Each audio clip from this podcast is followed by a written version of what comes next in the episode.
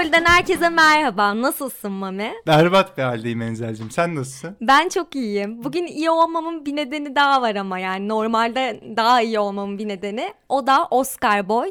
Yani Umur Çağıntaş bugün bizimle. Umurcuğum hoş geldin. Hoş bulduk Muhammedciğim bana karşılamadan önce berbatım dediğin için öncelikle sana teşekkürlerimi sunuyorum tekrar o tekrar. her zamanki hali Umur. Olsun. Seninle hiç ilgisi yok yanlış anlama.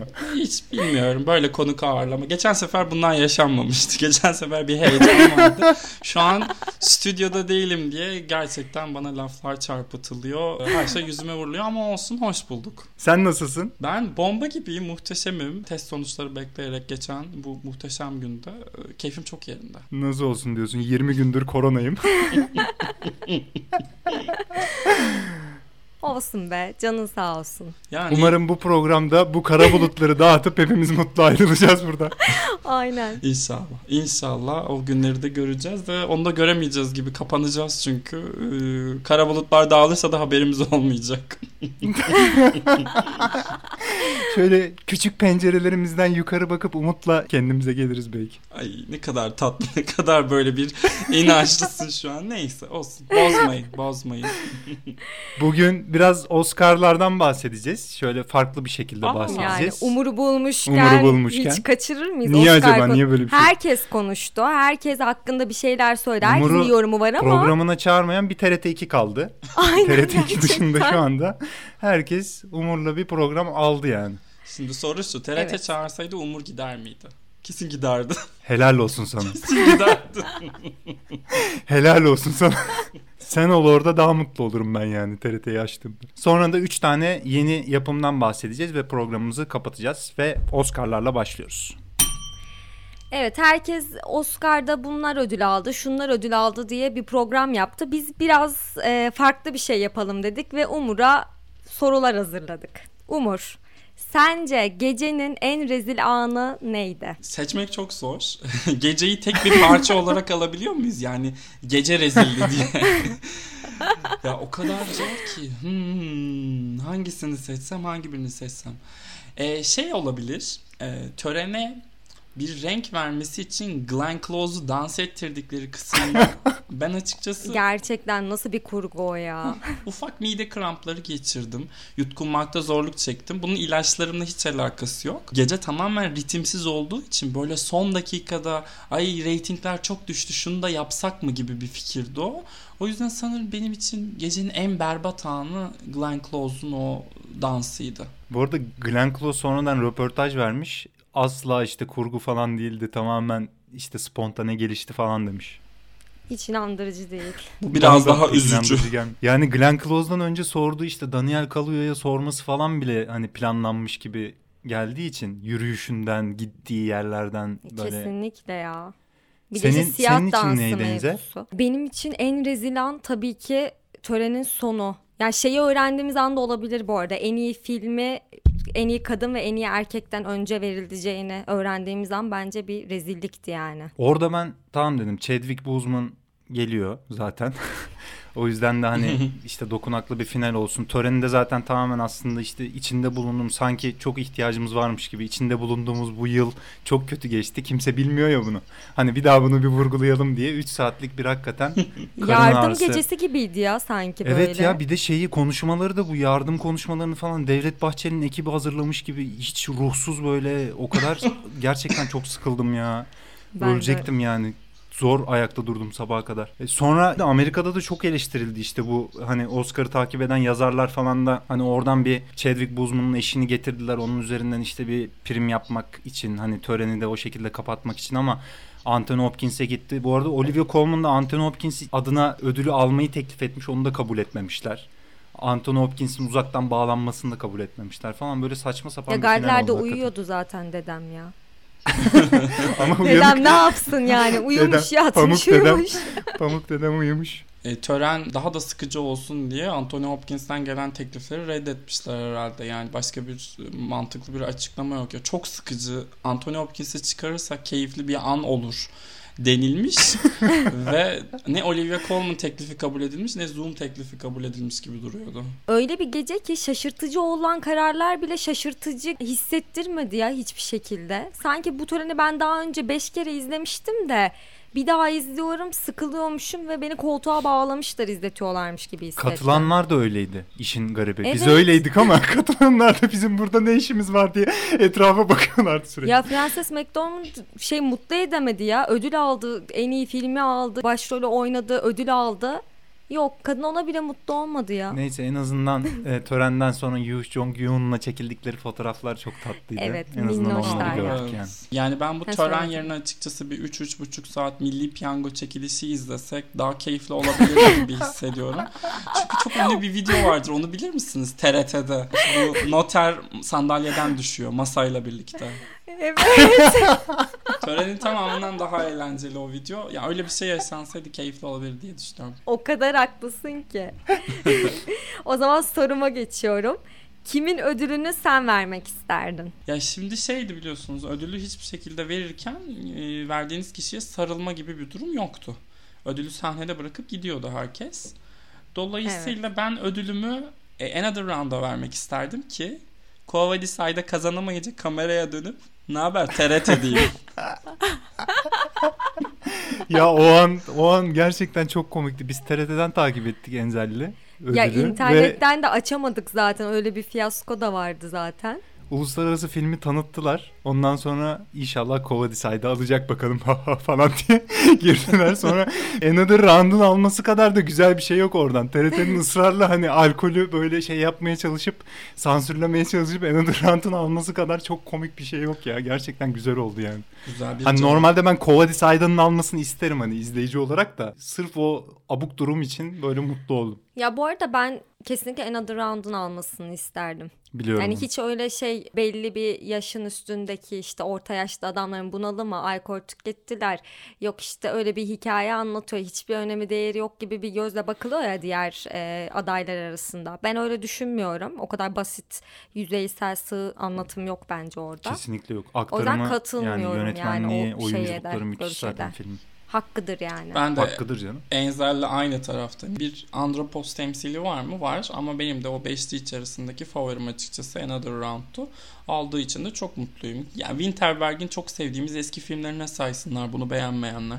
Adam neler neler çekti yani. Bu da bir kariyer Evet ödülü gibi ya. bir şey kabul edilsin. Kesinlikle öyle. Zaten kızının da ölümüyle bağlantılı konuşması falan gayet hani güzel böyle Bu arada yerindeydi. Törenin en güzel konuşmalarından biri de Winterberg'in konuşmasıydı hakikaten yani. E, tam yerinde Hmm, ayarı böyle samimi. aynen süresi her şeyiyle böyle çok oturaklıydı. Sen kime Süresi mi? isterdin ödül? Süresi mi? Her konuşma 24 dakika sürdü. Yani gerçekten şey gibiydi. E, Muazzez Ersoy Nostalji serisinde böyle kasetin sonuna potpourri yapar 3 şarkıdan.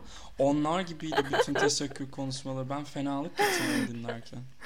ya en en şey konuşma peki gebereceğiniz artık. Benim Bryan Cranston'ın o Flash TV gençleştirme tekniğiyle yüzünü görüp orada "Dede- sen ne anlatıyorsun diye. Fondöteni basmışlar değil mi evet ya suratına? Dolby Theater'ın arasında yürüyor. Dolby Theater'daydı değil mi o? Bir tek o oradaydı galiba. Tek başına onu Evet. oraya koymuşlar. Yazık. Ya. O konuşma o konuşma bitmedi benim için. Ölüyordum yani. 50 çiş molasından birisi Bryan Cranston'ın konuşmasındaydı. Ee, O yüzden hatırlamıyorum bile. Ne anlattığını, kime ne verdi, ne yaptı hiçbir fikrim yok. Ben hepsini dinledim. Hani Aa, 20 dakika boyunca yes. ben de hatırlamıyorum. Öyle söyleyeyim sana. Okey. Ya Oscar ödüllerin verilmesi heyecanını hani izleyici olarak bir kenara bırakırsak benim için hep böyle bir şovdu ya ve bu bir şov işi olduğu için de sanki tek bir kişinin sunumuyla böyle daha rahat bir şekilde akıcı bir hale geliyordu gibi geliyor bana. O yüzden ben onun eksikliğini çok yaşadım ya. Bu yenilikçi hal benim hoşuma gitmedi açıkçası. Ya Ne, zaten ne düşünüyorsun Umur bu konuda? Bu yenilikçi hal dediğin törenin bu yeni stilinden mi bahsediyoruz? Evet. Ha yani yok ya hoşuna gidilecek hiçbir şey yoktu. Ee, tüm o Zoom görüşmeli altın küreyi falan ben açıkçası isterdim bunun yerine. O bile daha profesyonel bir organizasyon gibi duruyordu. Bir de şey yani hani sinemayı kutlamak, e, sinema sanatını kutlamak, film yapma şeyini, prosesini kutlamak üzerine diye yola çıkılmış bu törene.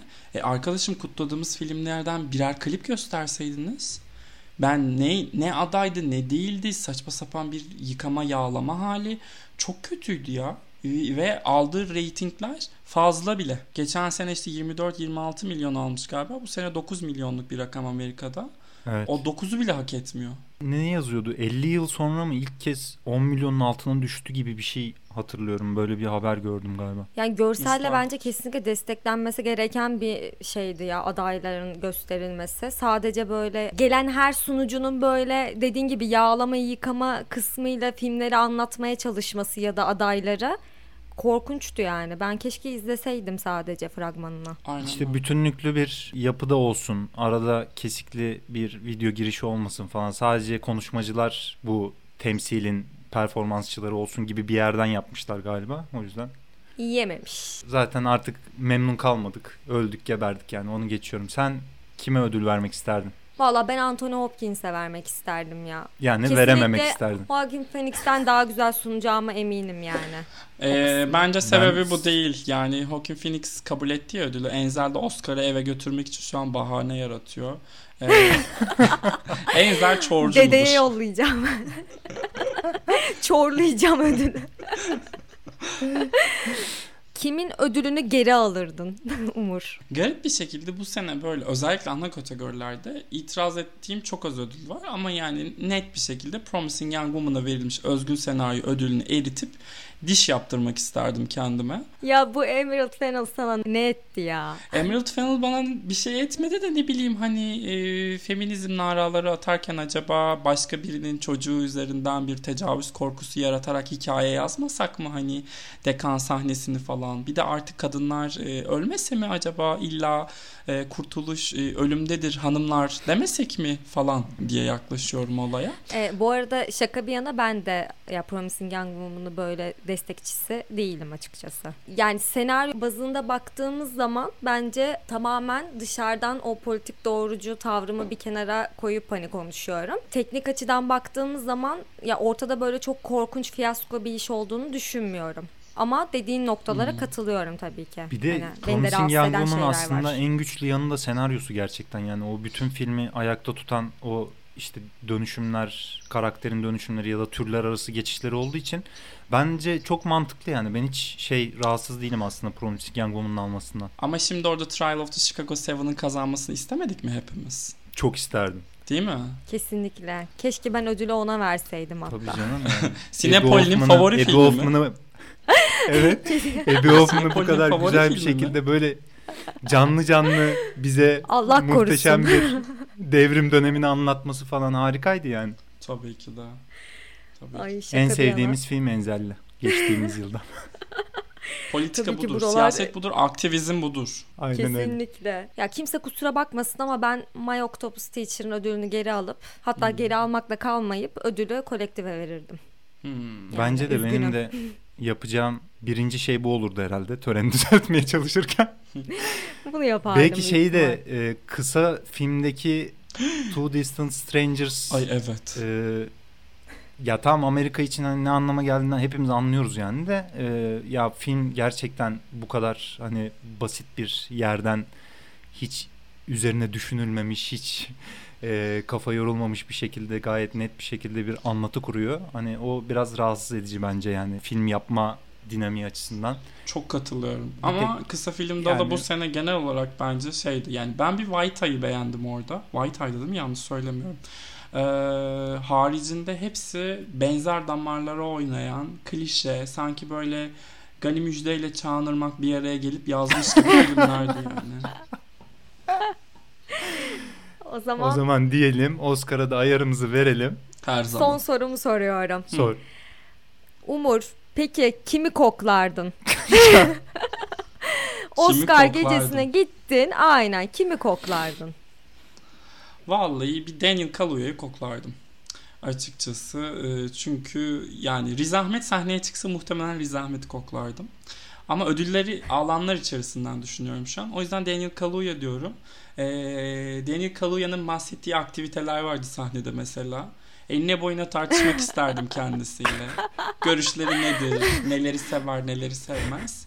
O yüzden tüm e, larımın hepsi Kaluya'ya ait. Peki Daniel Kaluya'ya sonradan e, muhabirlerin şey demesi Regina King'le çalışmak Of. nasıl bir şeydi? Ay, ay. Peki o muhabirin e, Hollywood Yabancı Basın Birliği üyesi olması? İnanılmaz. Şaka gibi. You have one job demek istiyorum. Başka da bir şey demeyeceğim. İnanılmaz gerçek. Seneye sanki altın küre olmayacak gibi hissediyorum. Bu kadar skandal üstüne skandal. Bir, bir şey olacak yani böyle bir ara vermek zorunda kalacaklar ya da bu e, senaristler e, şey zamanı grev zamanı stüdyoda dağıtmışlar diye ödülleri.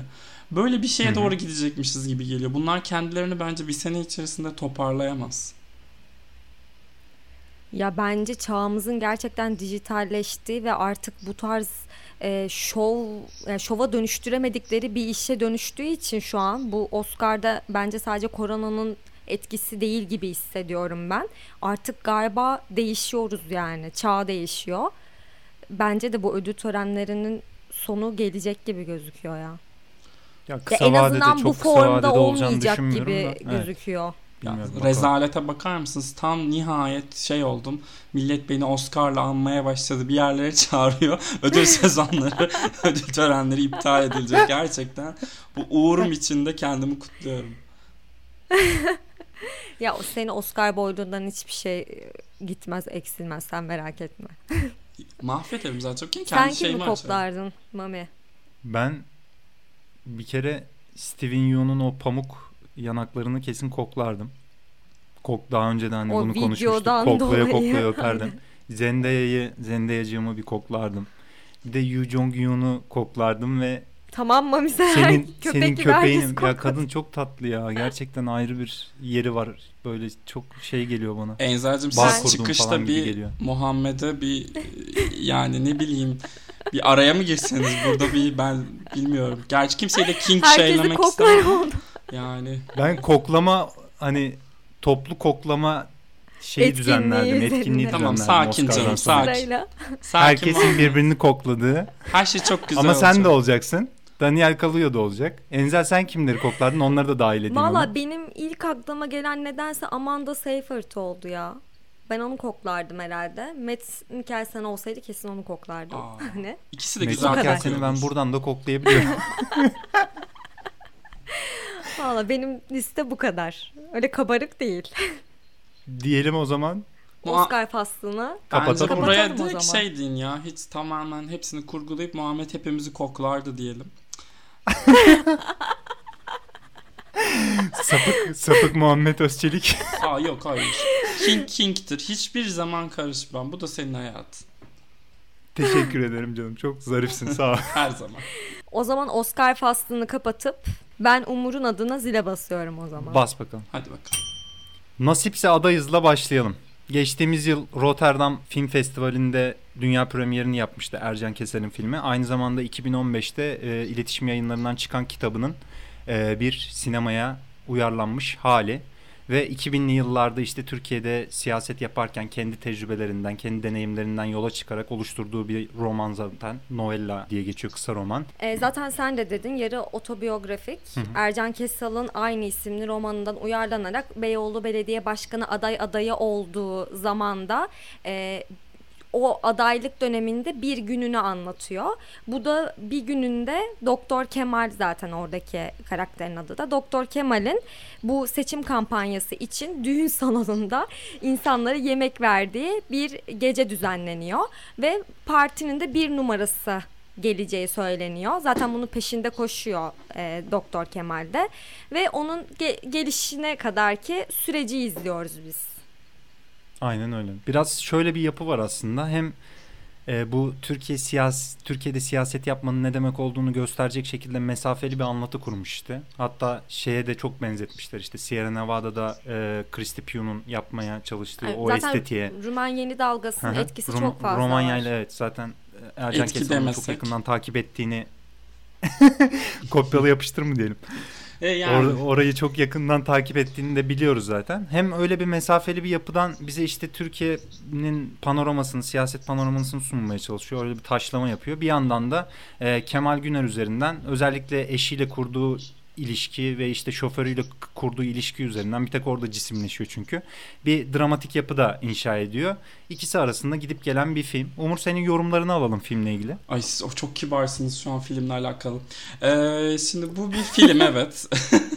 ya işte bu e, biraz fazla ben açıkçası çok gerçi çok eril bir dünyadan bahsettiği için bu kadar eril olmasını yadırgamamam lazım ama ben Ercan Kesal'ın bu beyaz atletleriyle çektiği daha önceki 20 filminden biriymiş gibi izledim. Ya sonuna kadar da bir trajik komik olma çabası var ya filmin kendi içerisinde. Hı hı. Ne trajedisini çok sağlam buldum ne komedisini bana hitap eden bir yerde bulabildim. Ee, bu sene izlediğimiz bir Hayaletler diye de bir film vardı. Yani benzetmek gibi olmasın. Hayaletler bence çok daha beyaz bir yerden kuruyordu anlatısını. Ama yani hı. tıpkı onun gibi çok böyle şey e, hani şey nasıl diyeyim kullanıcı adının önüne TC yazan amcalarımızın Twitter hesabı gibi bir e, Türkiye yorumu olduğundan e, pek şey bulamadım açıkçası. Yani çok dağıldım filmin içerisinde. Sona geldiğimde de beklediğim her şey üst üste gerçekleşince dedim okey demek yani Ercan Kesal'ın da yapıp yapacağı bu. Bir de şey gibi geldi bana açıkçası. Hmm, neredeki karakterini hatırlattı ya. Nuri Bilge Ceylan filmlerinden bir karakterine çok şey yaptım Ercan Kesal'a ama şu an atıyor da olmayayım. Neyse hiç girmeyeyim o dala. Üç maymun Ne? mu? Üç Maymun'da Ercan Evet, evet, Kesal evet, değil evet, Üç de Maymun. Yavuz Bingöl'ün oynadığı roldü değil mi? Yo Ercan Kesal'ın oynadığı işte. Ercan o rolünü Kesal da- hatırlatıyor bence de. Hı hı. Ha, tamam ben şeyden dolayı bağlantı kurdum. Ee, şoförüyle yaşadığı bir durumdan dolayı Ha, kaza ha. sonrası arıyor Anladım. ya oradan galiba Anladım. kafam oraya gitti. Orada da yine böyle bir Yani- belediye başkanımsı bir durumu vardı sanki. Yani belediye başkanı olmasa bile konumu olan bir adamdı. Yine bir Evet, e, evet. Aha. gözü şey eli işte gözü oynaşta bir durum mevcuttu. Sanki onun devamı gibi ama zaten Ercan Kesal böyle karakterleri oynamayı çok seviyor. Kendi de yazmış, Aha. yönetmiş, çalmış, oynamış. Ee, izledim ya sizin için size değerdi biliyor musun? Şimdi verdiğim 5 Teşekkür üzerinden ederiz. 2 yıldızın burada sohbetini yapmayayım ama size değerdi. Ben de iki verdim. Ben de iki yıldız verdim. Şimdi zaten ona seviyorum. eleştirilerimi getireceğim. Ha, sen de söyle. Şöyle bir giriş yapayım. Ya ilk film açısından bence başarılı bir Bu arada bir film. ilk uzun metrajı aslında. Hani Aynen. daha önce işte Nuri Bilge. Ceylan'la ya da başka yönetmenlerle çalıştı da kendi direkt hani yönettiği ilk film. E, o anlamda başarılı. Fena değil bir iş. Ama ya çok eskimiş gözlemlere dayalı eskimiş bir hikayenin başarısı bu. O yüzden hani çok da değeri var mı şu an için emin değilim. Yani Türkiye'de çünkü ortalama bir vatandaşın hakim olabileceği hani olaylar üzerinden e, yenilikçi olmayan bir bakış açısıyla anlattığın zaman filmin bir artısı olmuyor. Ya şey gibi bir şey yani olacak o kadar dönemini dramatik bir şekilde anlatan bir hikaye izliyoruz. Hani yeri geldiği zaman şuradakini buraya koyabilecek bir hikaye hatta. Ama hani ne yaptığı esprilerle insanı şu an yenilikçi bir yerden tutabiliyor. Ne o dramatik kurduğu çatıyla tutabiliyor. Yani zaten politik çıkarları anlatmaktan ziyade insan ilişkilerine dayanmış anlatıda. O yüzden hani o görebileceğimiz bütün şeyleri tıkamış. Tamamen hani e, ya insan üzerinden ilerlemiş. Sürecin böyle o politik yanlarından uzak kalmış. Yani böyle suya sabuna do- dokunur gibi bir şey yok yani siyaset üzerinden de bence politika üzerinden de. Yani adaylık sürecindeki dönemin saçmalıkları, rezillikleri anlatmaktan hani öteye geçmeyen, siyasal taşlama kısmında da hani bilinenden öteye geçmeyen bir film. Ben bu filmin mesela nasıl daha yenilikçi bir hale gelebilirdi diye düşünüyorum kendimce. Madem hani eskiden yazdığı bir süreç sonuçta bu hani kendisinin böyle bir adaylığı varmış. Yarı otobiyografik diyoruz. Belki bunu ya bilmiyorum izlerken nedense öyle bir düşüncem oldu. Böyle mockumentary tarzı izleyebilseydik belki. Çünkü çok böyle aslında bir yandan da çekim e, tekniği açısından benziyor o mockumentary türüne. Hani belki öyle olsaydı acaba daha mı bizi tutardı? Ya da üreticiliği hani hikaye anlatırken de daha başka bir noktaya mı getirirdi acaba? Ben aslında tam tersini düşünüyorum bunun. O da şundan.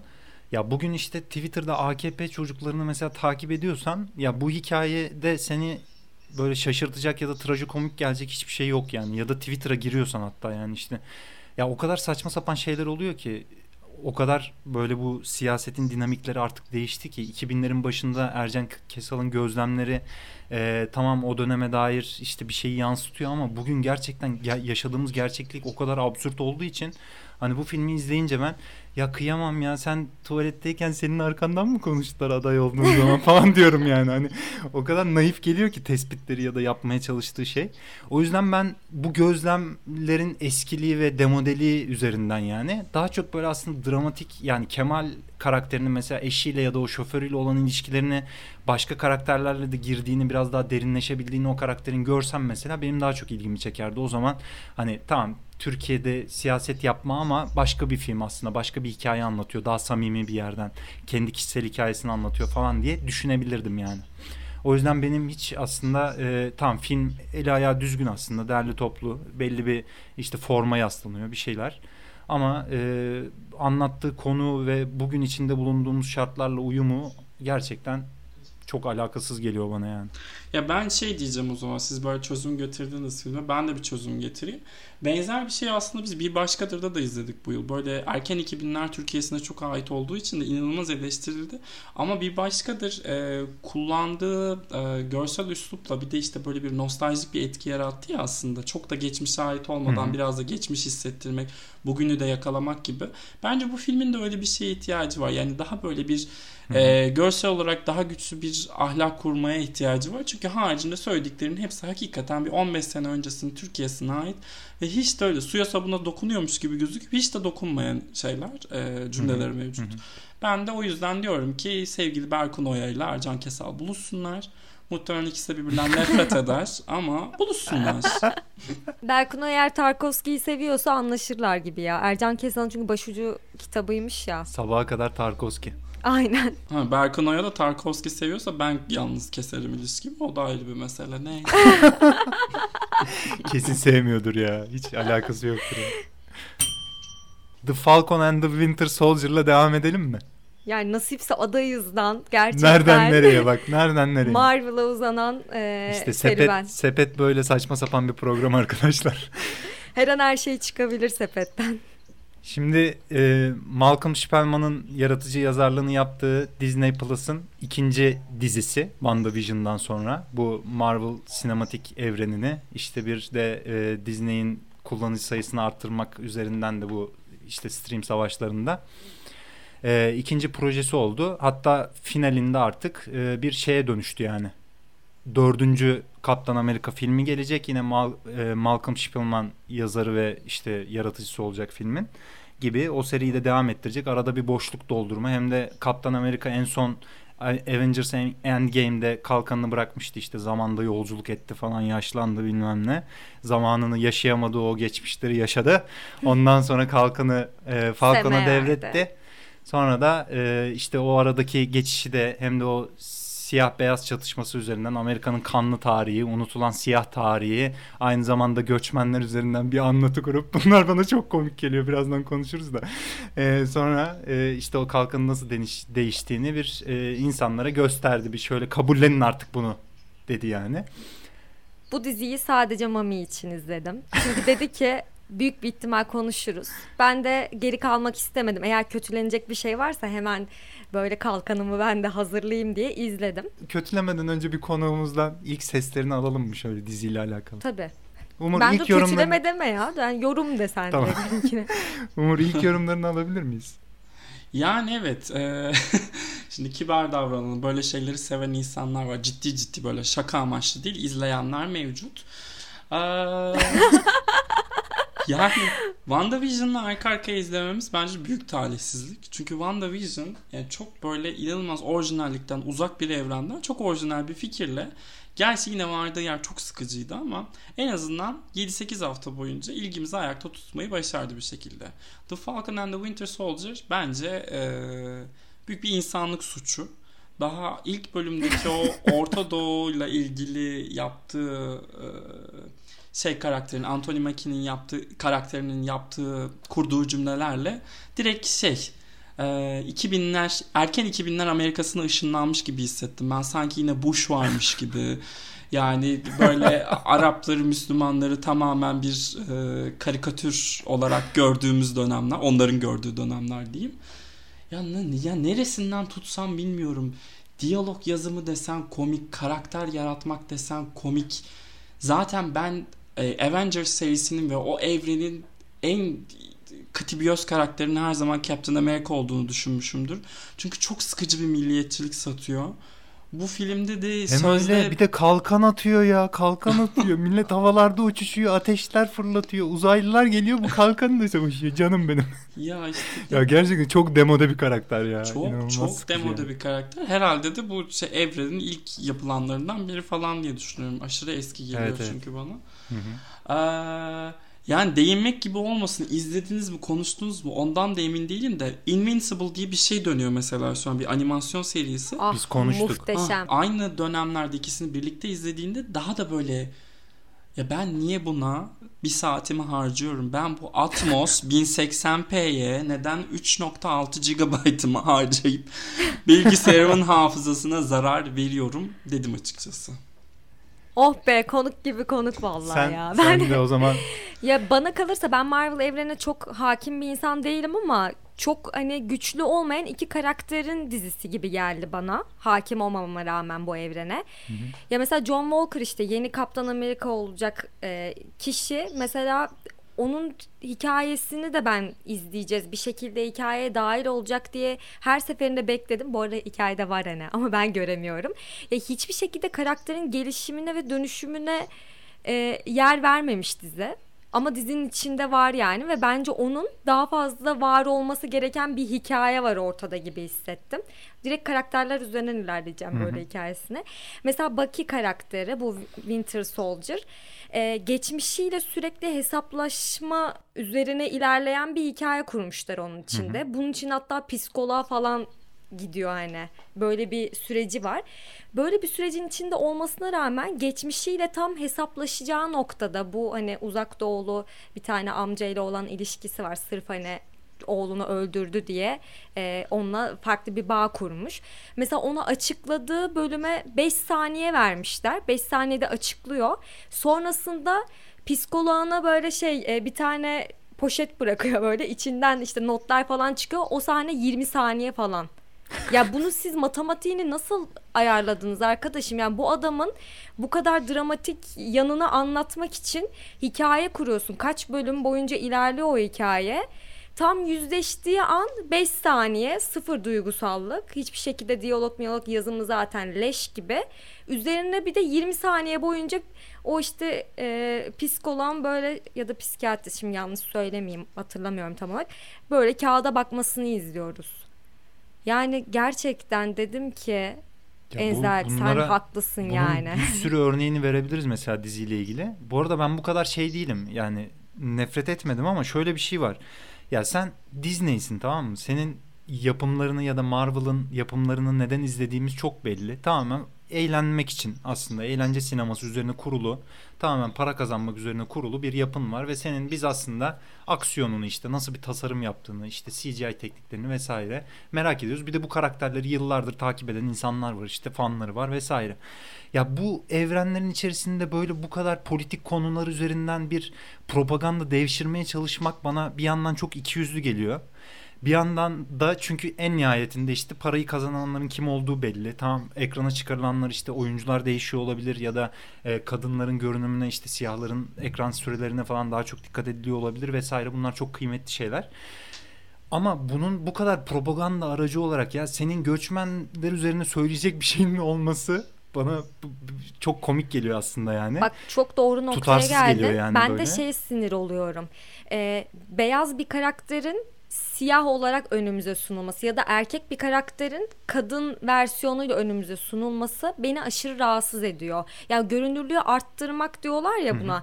Ben mesela onu zedelediğini düşünüyorum hatta. Yani siyah bir karakteri siyah bir karakter olduğu için hani görünürlüğü arttırmasını sağlaman gerekiyor. İşte kadını kadın olarak arttıracaksın o zaman.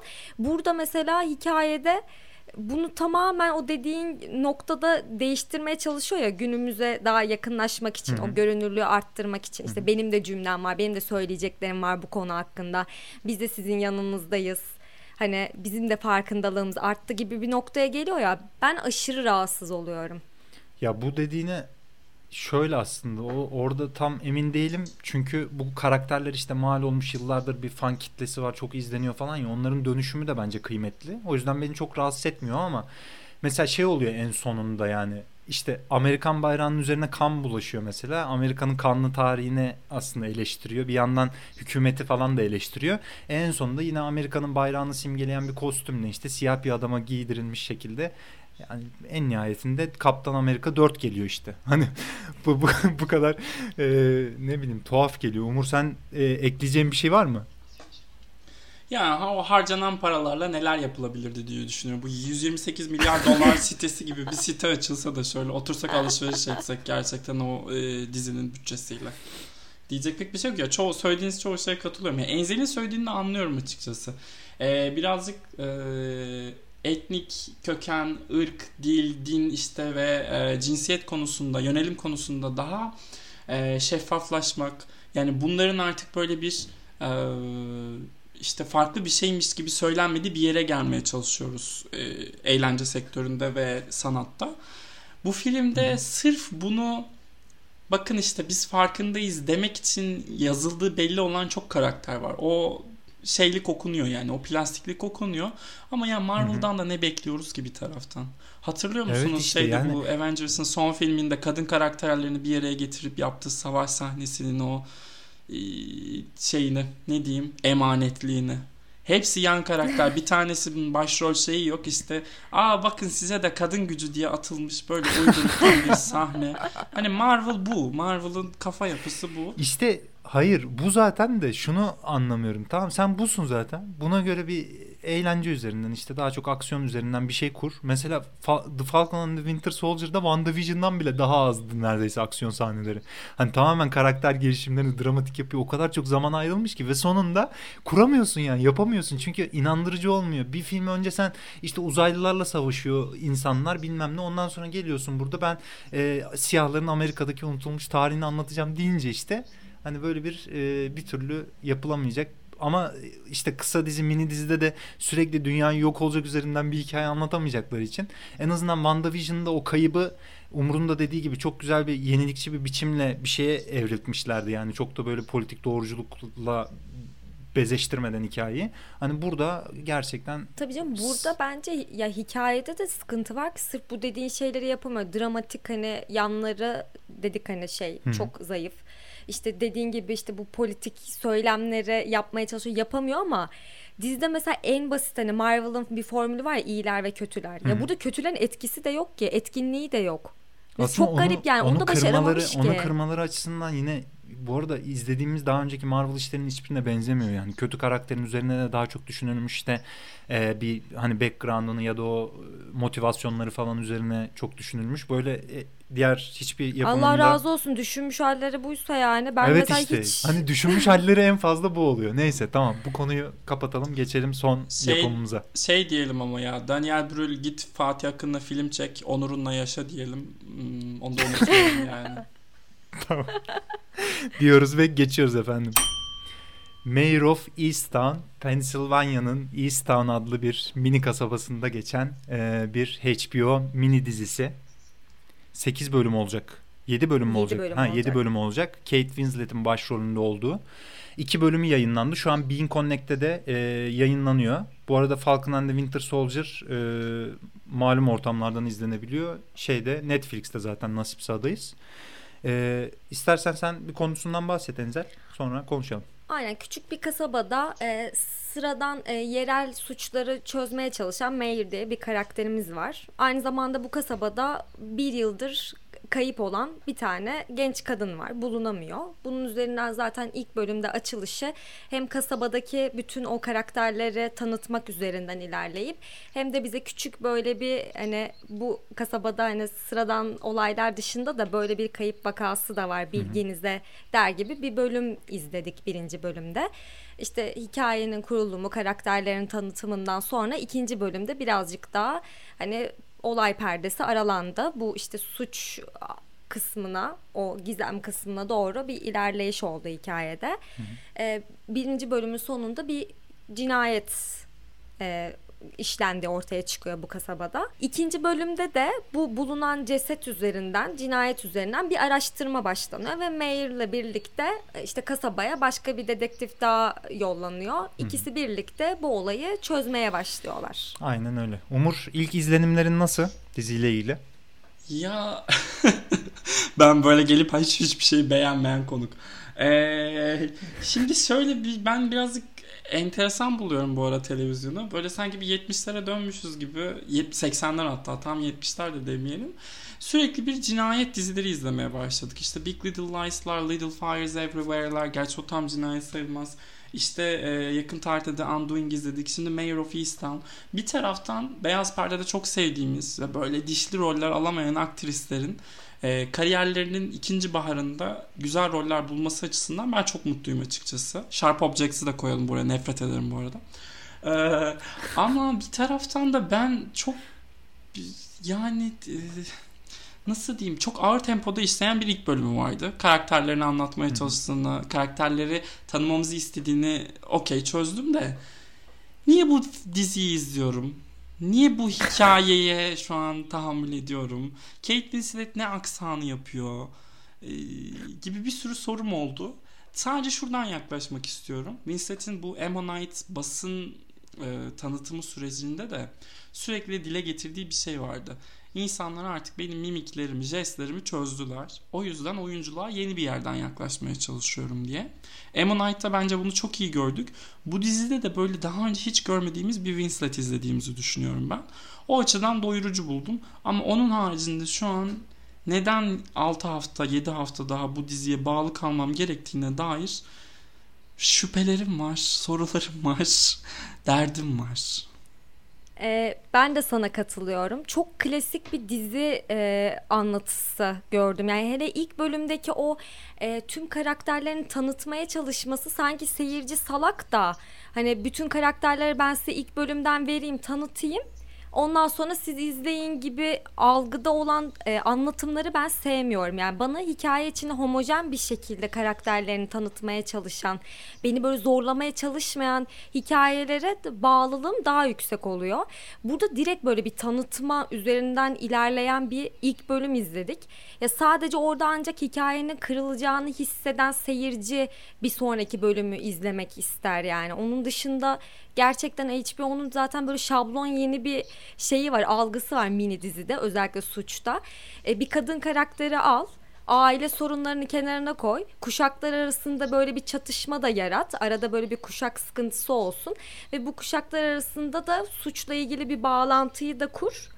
Ondan sonra al sana 7 bölüm, 8 bölüm, kaç bölüm istersen bir dizi yarat kafası var bence. Bu da o aynı HBO'nun klasik anlatısı içerisinde. Bir de yani tamam ilk bölüm bütün e, karakterleri tanıtmak isteyebilirsin. Ya evine konuk olduğumuz her karakterin yok işte intihar etmiş oğlu olan bir kadın görüyoruz. Yok işte siyah bir aile var işte ablasının cebinden para çalıp uyuşturucu alan kardeş görüyoruz. Yok efendim e, bir tane ailenin galiba yanlış hatırlamıyorsam şey e, otizmli bir çocuğu Hı-hı. var galiba. Ya bu nedir Müge Anlı'nın programı gibi kasaba yapmışlar zaten. Ya bu kadar sorun bir arada zaten musun niye? Burada? ne eksik? Ee, Reşat Nuri Güntekin'in e, unutulmaz eseri Yaprak Dökümü'nden Tekin ailesi. Gerçekten bu kasabaya çok yakışırlar ya o kadar haklısın ki. Ya bu arada ben yine de bir şekilde hikayenin kırılıp hani ikinci bölümün sonunda özellikle bizi yakalayabilecek noktaya hani biraz da olsa bir nabza arttırdığını düşünüyorum. Ama dediğine de katılıyorum yani. Ben bunu izliyorsam kesinlikle bunun pazarlaması iyi yapıldığı için Hani insanlar dizi gelecek çok güzel bilmem şey diye duyurduğu için birazcık aa gerçekten neymiş ya bakayım falan gibi bir noktada başladım ama normalde kendim denk gelsem izlesem yani birinci bölümü izledikten sonra ikiye geçer miydim emin değilim açıkçası. Ya bu arada ben dizileri böyle çok sıkı takip eden biri değilim. Hani o yüzden sizin bu hayattan soğumuş ve dizilerden bıkmış halinizle eşdeğer bir şekilde yorumlayamayacağım. Enzel Ama bu yolda hani... gözlerini bozdu gözlerini. İnsan uyum sağlar. Aynen. Evet ya valla kör olduk Umur. Program yapacağız diye kör olup bitireceğiz herhalde gelip.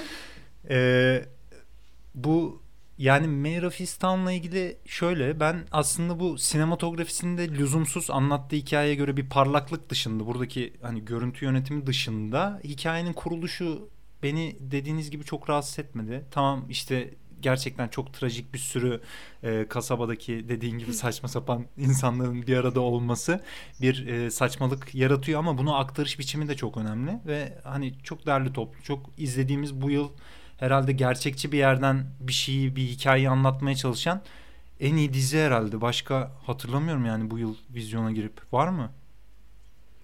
Ya mesela şeyle Yoranların ilk bölümüyle karşılaştıracağım. Mesela onun ilk bölümünde gerçekten dramatik açıdan böyle vay ne izleyeceğiz şimdi falan olmuştuk. Sonra dizi tabii ki leş oldu hani. Hı hı. O ayrı bir konu da. Hı hı. E, bunun da mesela ilk bölüm açısından ikisini karşılaştırınca ya bunun iyiye gideceğine dair de hani elimizde bir şu an şey yok ya. Dona ha, anladım. Yok ya. Bunu ama bilerek yapmıyor sanki işte. Hani o e, izleyiciyi kendinde tutmak için böyle bir trüklere başvurmadan aslında tamamen zamanı da böyle hani sanki dünyalarca zamanı varmış gibi kullana kullana e, bütün kasabanın etrafında böyle bir bizi bir gezdiriyor aslında. Tamam karakterleri de açıyor bir yandan ama ben şey gibi hissetmedim yani bunu sadece bir hikayeyi e, kurmak için bir giriş niteliğinde yapıyor gibi gelmedi bana. Aslında her o sekansta o insanlarla karşılaştığım anları da sevdim ben yani o kasabanın insanlarıyla. Ya ben o yüzden aynı gibi, şekilde ben düşünmüyorum tanı- ama bu tabii siz çok daha iyi biliyorsunuz geçmişini falan HBO'nun da. Ya tanıtımın homojen olmaması beni her zaman iten bir şey. Bu kesinlikle şey yani. Bir de ya gerçekten Giresun Şebin Karahisar'da bir köy izliyormuş gibi de bir hissiyat da geldi bana açıkçası. Sıradan bir hani köyün hayatı gibi. Ya tabii ki anlatılabilir bu arada. Aktarım konusunda ben de katılıyorum. Dizi tabii. sanki böyle bir Netflix için yapılmış da total bir parça olarak izlenmesi gerekiyormuş hissiyatı verdi bana. Böyle bir haftalık seyre uygun yapılmış gibi değildi. Hani zamanı hani bu kadar şey kullanıp geniş geniş kullanıp alıp yapıyorsan bunu hakikaten hepsini bir arada yayınlayıp aslında bütün olarak biz izlesek hani ilk bölüm üzerinden yaptığımız yorumları anlıyorum ama bakalım neye dönüşecek yani. Kate Winslet'in oynadığı karakteri de çok sevdim. Merak ediyorum mesela o karakterin nasıl bir yere gideceğini. Dizinin kendi kurduğu o gizem atmosferi dışında da yani. Ben de galiba kadını hiç merak etmediğim için bu sıkıntıyı yaşıyorum. Hmm. Kadını sanki görebiliyorum, sanki tanıyormuşum gibi hissettim. Anladım. Yani tanınmasam da tanımasam da o tanıdığım bir insan gibi aynen. Çok da bir önemi yok gibi Anladım. hissettim. Bilmiyorum ama sanki bu diziyi İngilizlere versek bu 7 bölümde anlatacağı şeyi gerçekten 4 bölümde çok güzel bir şekilde e, anlatırmış gibi hissettim bu arada. Yani bu HBO'nu böyle uzatarak şeye katılıyorum. Yani Sharp Objects'i ben seviyorum bu arada. Seninle aynı noktada değilim Umur ama mesela o Çıkıyorum da 8 ben. bölümdü. 8 bölümdü ve hani aslında belki de 5 bölümde ya da 6 bölümde anlatabileceği bir hikayeydi. Böyle uzata uzata anlatma şeyi var yani. Öyle bir Sharp tercih nedense yapılıyor. açıkçası. Ben başladım devam edemedim yani onu. Hiç ağır mı geldi? Hiç ilgimi çekmedi yok. Ağır gelmesinden değil de. Bilmiyorum ya bakalım bu dizinin nereye gidecek. İnşallah güzel yerlere gider de bizi şaşırtır yani. Ben ha. çok isterim. Çünkü takip edeceğim bu belli yani. 7 bölüm bari işkence çekip bileklerimi kesme noktasına geldi. Ben umutluyum. Güzel bir yere bağlanacağını düşünüyorum. Bu yıl hani herkes ölüymüş. Sonunda. güzel bir yer buymuş değil mi? Katil Mayer'miş ya da hani bu da olabilir. Klasik böyle twistler falan hiç öyle bir iş olacak gibi gözükmüyor ama ben yok, kimin yok. olduğunu da tahmin edebiliyorum bu arada da söylemeyeceğim. Hadi Sana bakalım. söylerim sonra. Umur son eklemek istediğin güzel dileklerin ya da insanlara buradan söylemek istediğin şeyler falan var mı? Yoksa Ben yeni yılın herkese sağlık, mutluluk ve başarı getirmesi. Senin için yıl yeni başladı galiba değil mi? ne bileyim. Doğru doğru artık ünlü bir insanım ben evet. Ee, 2800 takipçili kendini ünlü zanneden salak. ee, ya ekleyecek bir şeyim yok. Beni davet ettiğiniz için çok teşekkür ederim. Tekrar tekrar teşekkür ederim. Ercan Kesal'a çok selam söylemek istiyorum. ee, Steven Yeun'a Muhammed gerçi sahiplendi pardon.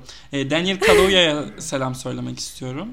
Ee, tamam. Selam olsun. Sana da selam olsun Muhammed. Gerçi berbatım dedin. Sana başta. da olsun be. Allah'ın belası adam. çıkıp çıkıp gel Umur. Ay, Hiç çekinme. Bak böyle açık davetler konu, vermeyin. değilsin yani. Sizi almak. Evet değilim Allah için. Böyle bir şey gibi komşu gibi arada. Acaba Kadıköy'e taşınsam öyle bir şey mi yapsam? Neyse bunlar düşünülsün. Keşke. Düşünülsün bakalım. O zaman Ağzına sağlık. kalınız. Teşekkür ederiz. Haftaya görüşebilecek miyiz bakalım. Evet. Haftaya Bakalım. büyük sıkıntı var. Ha- haberleşeceğiz.